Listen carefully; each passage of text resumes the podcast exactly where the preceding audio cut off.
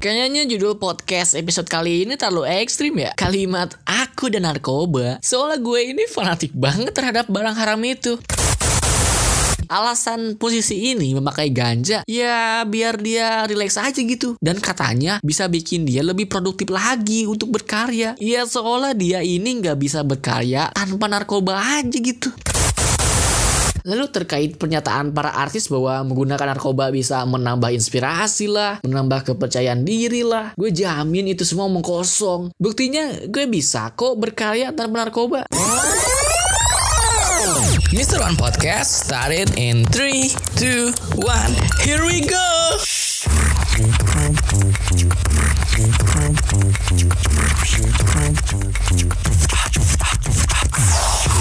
Assalamualaikum warahmatullahi wabarakatuh. Shalom Om Swastiastu Namo Buddhaya Salam kebajikan dan salam sejahtera bagi kita semua. Hey hey kamu yang di sana apa kabar? Semoga baik-baik aja ya. Eh tapi kalau ada masalah jangan dipikirin tapi diberesin dong. Ingat nih Tuhan pernah bersabda dalam Al-Quran Surat Al-Insyirah ayat 6 Yang artinya bahwa sesungguhnya setelah kesulitan itu ada kemudahan. Jadi, gak usah khawatir lagi. Semua masalah pasti ada jalan keluarnya. Yang harus kamu lakukan sekarang ya menjalaninya dengan ikhlas dan tetap berpikir positif. Jadi gak usah nih dipikirin terus masalahnya. Yang ada malah bikin depresi dan mungkin saja bisa terjerumus ke dalam jurang narkotika. Ih, ngeri banget gak tuh?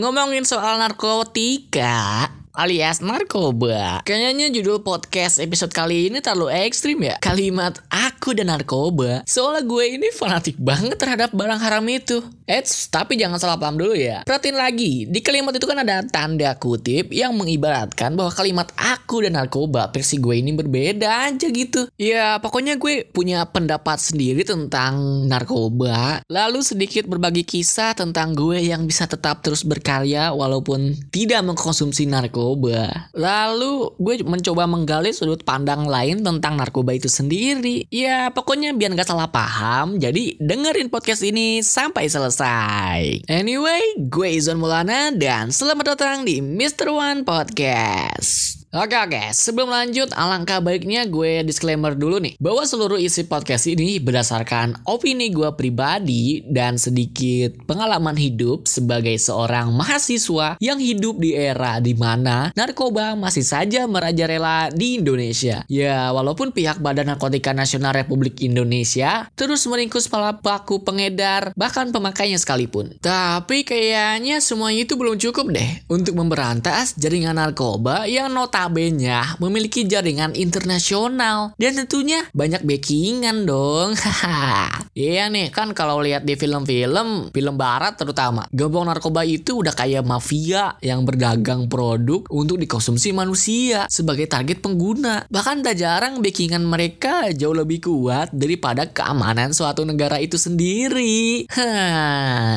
itu kan di film nih, tapi gue nggak tahu di dunia nyata. Tapi nih tak jarang film-film film itu kan suka berdasarkan kisah nyata. Jadi gimana ya? Ah, pikir aja sendiri. Balik ke topik. Terlepas dari semua itu, kalau gue lihat-lihat kasus narkoba di Indonesia sendiri paling rame dapat sorotan tuh ya pas artis tersandung kasus narkoba. Ya kebanyakan sih jadi pengguna. Nah, yang paling baru nih kan ada seorang stand up komedian yang berinisial RP atau nama panggungnya CP yang terbukti mengkonsumsi sabu-sabu dan mengaku telah menggunakannya dari 8 bulan lalu. Bahkan sampai kecanduan. Ya, kamu tahu lah dia siapa. Soalnya wajah dia kan sering muncul di YouTube. Bahkan video yang ada dianya aja sempat masuk trending topik. Bahkan sampai sekarang masih aja ada gitu video baru yang bareng kolaborasi gitu dengan YouTuber lain gitu. Apalagi kalau di channel YouTube manajemen dia ya, selalu ada aja gitu wajah dia. Ya walaupun cuma jadi thumbnail. Namun selain dia ada artis lain berinisial berinisial NR dan suaminya AB. Nah, si AB ini nih, dia tuh kan anak seorang pengusaha besar, pemilik stasiun TV nasional, sekaligus pernah memimpin salah satu partai di Indonesia. Dan munasnya anaknya ini ya si AB ini nih ketangkap mengonsumsi barang haram tersebut. Tapi kalau menurut gua kasus narkoba yang paling menarik tuh ya kasusnya seorang musisi, musisi yang mempopulerkan lagu dia, dia, dia, dia, dia aja terus anjir. Ya, aku jadi nyanyi sih. Ya, lu pada tahu lah dia siapa. Yang menariknya tuh alasan dia, tuh kan dia lagi. Alasan posisi ini memakai ganja, ya biar dia rileks aja gitu. Dan katanya bisa bikin dia lebih produktif lagi untuk berkarya. Ya seolah dia ini nggak bisa berkarya tanpa narkoba aja gitu. Tapi kalau menurut gue, setiap orang punya cara masing-masing untuk bisa terus berkarya. Ya banyak cara padahal untuk mencari inspirasi tanpa harus menyentuh narkoba. Kayak gue aja gitu. Nih kalau gue lagi stuck atau nggak ada ide buat bikin konten podcast ataupun artikel, yang gue lakuin ya refreshing kayak liburan, jalan-jalan ke tempat yang belum pernah gue kunjungin. Kadang kalau nggak ada duit ya gue jogging aja pagi-pagi buat menghirup udara segar. Tapi nggak jarang juga gue mandi air dingin di pagi hari. Ya segernya minta ampun, bikin kepala terasa ringan aja gitu, seolah ke refresh. Gue juga sering baca-baca berita atau gue baca cerpen, lalu ngeliat tren apa yang lagi rame di sosial media. Ya pokoknya kegiatan yang bisa bikin tenang gitu. Ya mau meditasi ataupun mencoba mendekatkan diri kepada sang pencipta. Biasanya nih ya, orang yang lose hope alias hilang harapan itu ya orang-orang yang gak deket sama Tuhannya. Ya dia gak punya pegangan aja gitu pas lagi sendiri. Jadi gak ada cara lain ya dia langsung menyentuh ranah narkotika agar bisa tenang. Padahal dia kan tahu dampak buruk dari penyalahgunaan barang haram itu kan. Nih biar makin jelas gue jelasin aja. Dampak buruk penyalahgunaan narkoba. Pertama dan yang paling pasti lu bakal ketergantungan alias kecandungan. Kecandungan anjir. Kecanduan. Maaf bang ya. Iya lu bakal kecanduan gitu. Lalu jika mengkonsumsi secara berulang alias kecanduan dalam jangka panjang, itu bisa bikin perubahan sel saraf otak. Kemudian bisa mengganggu komunikasi antar sel saraf otak. Ya pokoknya kondisi otak lu nggak bakal baik-baik aja. Tapi yang paling parah tuh bisa bikin lu terus berhalusinasi. Sampai lupa keindahan dunia. Ya lu bakal hidup di dunia yang tak nyata dan tak tersentuh realita. Yang membabi buta di depan mata. Ya masa lu mau gitu halu terus sampai mati? Ya karena narkoba bisa menyebabkan kematian. Ya jika overdosis. Tapi sebenarnya kita bisa loh terus berkarya tanpa harus narkoba. Asal punya niat, tujuan, dan pegangan yang kuat untuk terus berkarya. Tapi gue juga sadar sih perbandingan gue sama artis yang punya duit ya tentunya berbeda jauh. Mereka kan punya banyak uang, sedangkan gue enggak. Tapi setelah melihat dampak buruk dari penyalahgunaan narkoba, setidaknya gue bisa lebih mengerti bahwa penyalahgunaan narkoba apalagi untuk alasan bisa terus berkarya ya nggak worth it aja gitu. Selain gue juga bisa dipenjara atau mungkin direhabilitasi tubuh gue yang dikasih oleh sang pencipta ini pun bakal ikutan rusak. Dan itu tidak menjaminkan sikap mensyukuri segala nikmat yang telah diberikan Tuhan kepada diri kita. Uh, tapi kalau ngomongin soal Tuhan nih kita sebagai manusia hendaknya tidak menutup mata dengan apa yang diciptakan Tuhan. Semua yang diciptakannya tentu memiliki fungsi dan tujuannya. Seperti halnya misalnya babi deh. Kan dalam agama Islam babi itu haram untuk dikonsumsi. Namun satu sisi babi juga memiliki kegunaan di alam liar. Selain menjadi penyeimbang ekosistem hutan, babi juga menjadi santapan bagi para predator hutan. Ya rantai makanan gitu. Nah, begitu halnya dengan narkoba. Gue sadar tindakan penyalahgunaan narkoba itu adalah hal yang salah untuk dilakukan karena memiliki dampak buruk bagi tubuh manusia. Namun kita tidak bisa menutup mata bahwa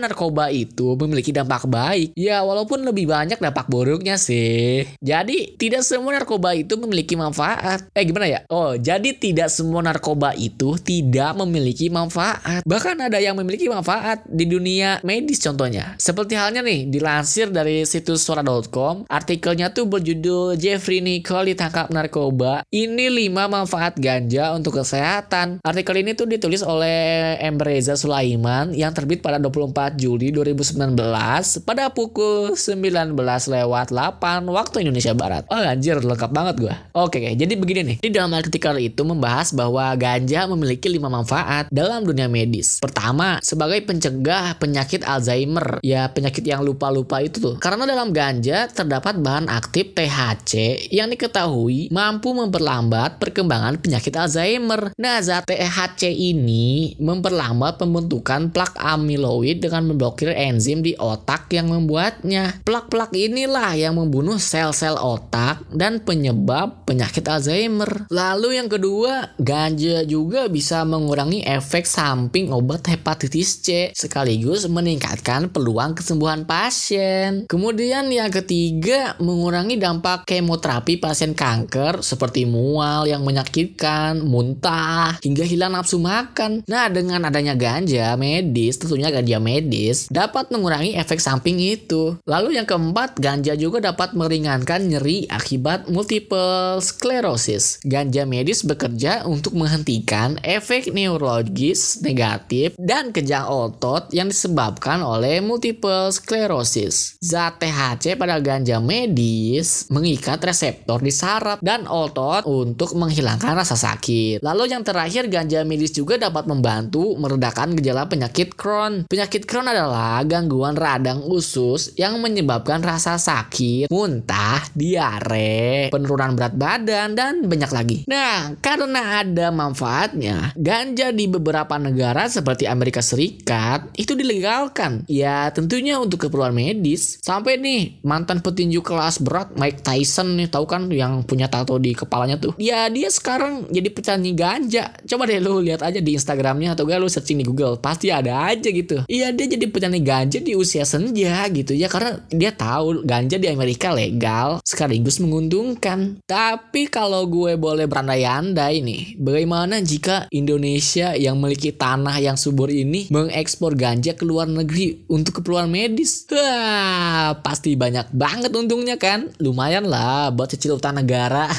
Tapi kalau menurut gue kayaknya hal itu nggak bisa diterapin ya. Soalnya lu tahu kan orang Indonesia gimana? Pasti ada aja oknum yang menyalahgunakan.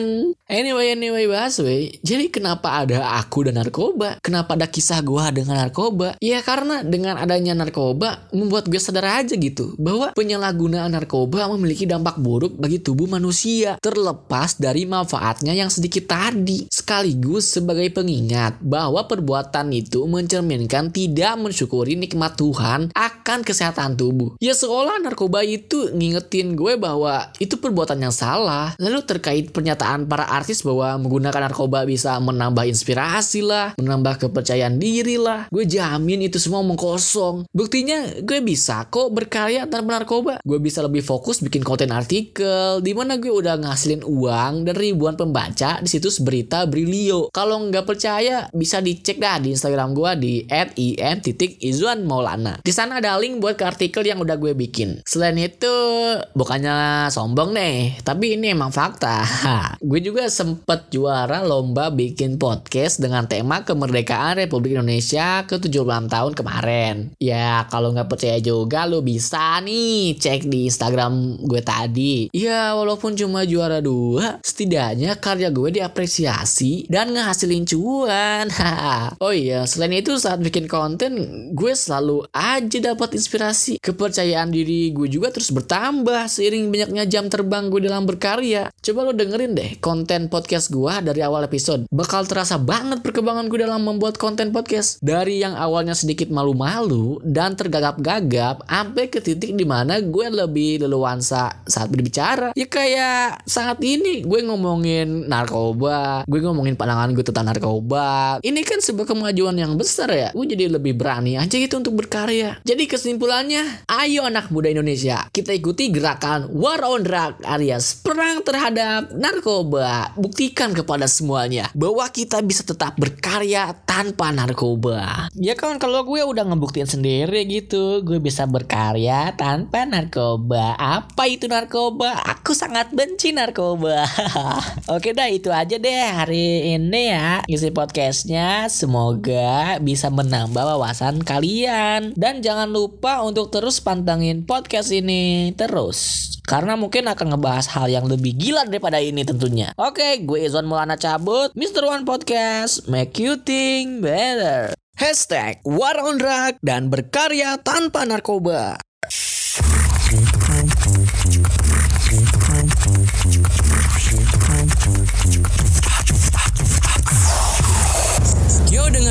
Podcast hanya di Spotify.